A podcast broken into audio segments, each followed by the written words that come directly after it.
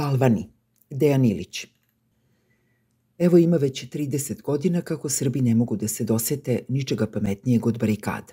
Dobro, možda ne baš svi Srbi. Budimo precizni, Srbi u Beogradu. U protekle tri decenije videli smo i posledice barikada.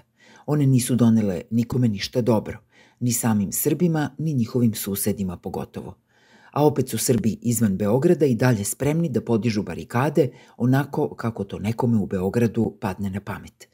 Možemo li od barikade na Kosovu očekivati da ne završe kako su završile barikade oko Knina? Teško je reći, ali okolnosti svakako nisu iste. Nema više uzurpirane JNA da potpiruje besmislene ambicije. Vojska Srbije daleko je i od one sasvim razvaljene JNA, teško da bi na nju bilo ko mogao da se osloni. Pored toga, za razliku od ondašnje Jugoslavije, danas na Kosovu već imamo strane naoružane jedinice.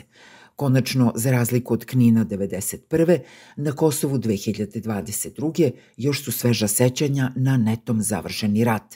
Sve to bi morali biti dovoljni razlozi da ne dođe do novog oružanog sukoba. Na Kosovu smo 1998. i 99. imali zahuktalu ratnu mašinu. Videlo se kuda to ide, ali mašina je naprosto morala da potroši gorivo pre nego što stane.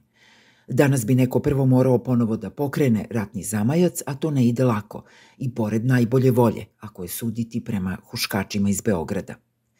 Iako je rizično, pretpostavimo da rat ni za jednu od strana više nije opcija – a ako i jeste, nadajmo se da to neće dozvoliti stranci pod oružjem na Kosovu.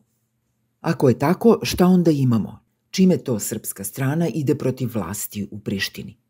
Sasvim precizno, kako bi Srbi sa severa Kosova mogli da privole prisile vlasti u Prištini ili ako hoćete ovde kod nas notornog Kurtija da ispuni njihove zahteve, to jest zahteve iz Beograda kako danas u odnosu na one s početka 90-ih oko Knina izgledaju barikade na Kosovu.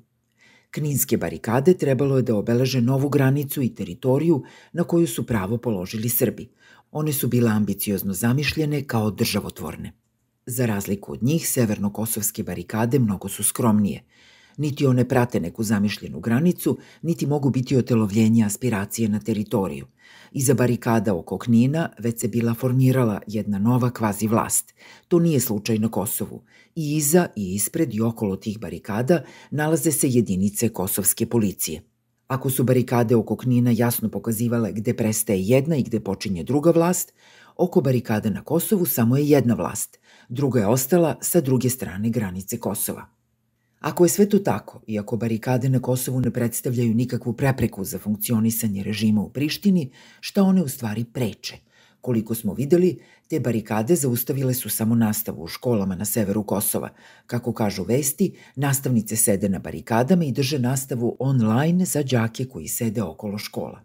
E sad je pitanje, zašto bi takve barikade uopšte provocirale vlasti u Prištini na bilo kakvu akciju? Biće da u Beogradu računaju na Kurtija.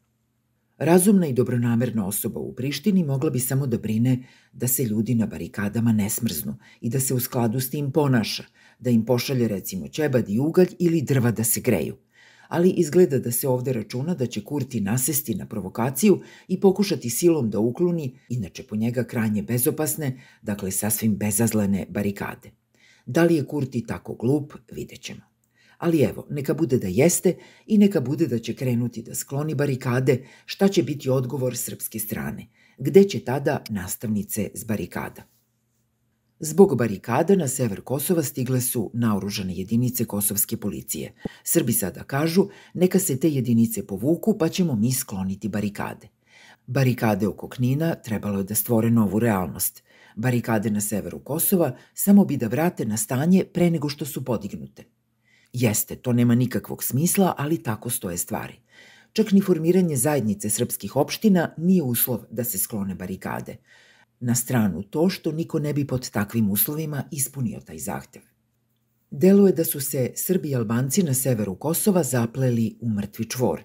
Situacija je, reklo bi se, bezizlazna, ali ona tako izgleda samo zato što je besmislena. Uopšte nije jasno ni zašto barikade, ni zašto odgovor na njih. Ko se još seća registarskih tablica? U Kninu je sve bilo drugačije i to se razrešilo krvavo. Politika na čijem su početku stajali balvani završila se očekivano totalnim porazom. Na severu Kosova gledamo samo bledi odraz takve politike, lišene na svu sreću i moći i kakvog takvog sadržaja. I to je dobro jer uliva nadu da će se izbeći novi sukob, pošto se poraz već dogodio.